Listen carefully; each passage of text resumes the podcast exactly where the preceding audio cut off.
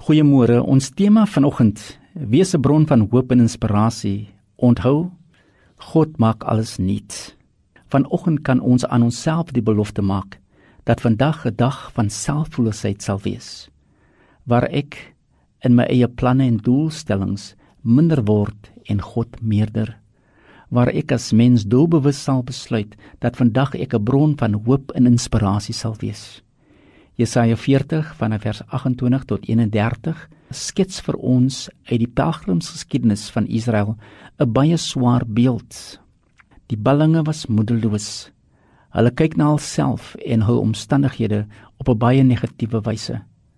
Hulle oortuig hulself dat die Here nie meer omgee vir hulle nie. Hulle het die ballingskap gesien as 'n teken van God se onmag.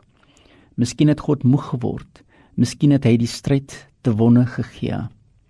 Miskien is Babilonie inderdaad magtiger as God. Dit is hoe baie van ons ook soms in ons omstandighede redeneer. Ons sien die negatiewe en ons gevolgtrekkinge natuurlik is ook negatief. Ons kan nie onderskei tussen die duisternis en die lig nie. Ons is op die punt om te verklaar alles te vergeefs. Die profeet Jesaja was bewus van die stryd van die mense. Hy bring 'n sterk noot van hoop na die tafel. Hy stel dit baie duidelik. Die wie op die Here wag, kry nuwe krag. Hulle vlieg met arensvlerke. Hierdie woorde van hoop kan vir ons die verandering wees waarna ons so lank uitsien. Die hoop wat ons in staat stel om versekerd met doel voor oë afhangend van God die pad weer aan te durf. God gee energie wat die liggaam dryf om meer te doen en meer te gee. 'n Nuwe positiewe perspektief in donker omstandighede.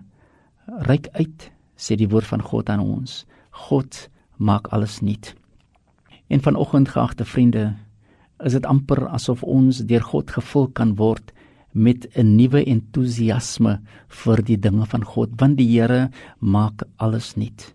En ons kan weer eens net ons toevlug neem na die Here en altyd deur op hom vertrou. Die res van nuutheid vir men vir u begin met liefde.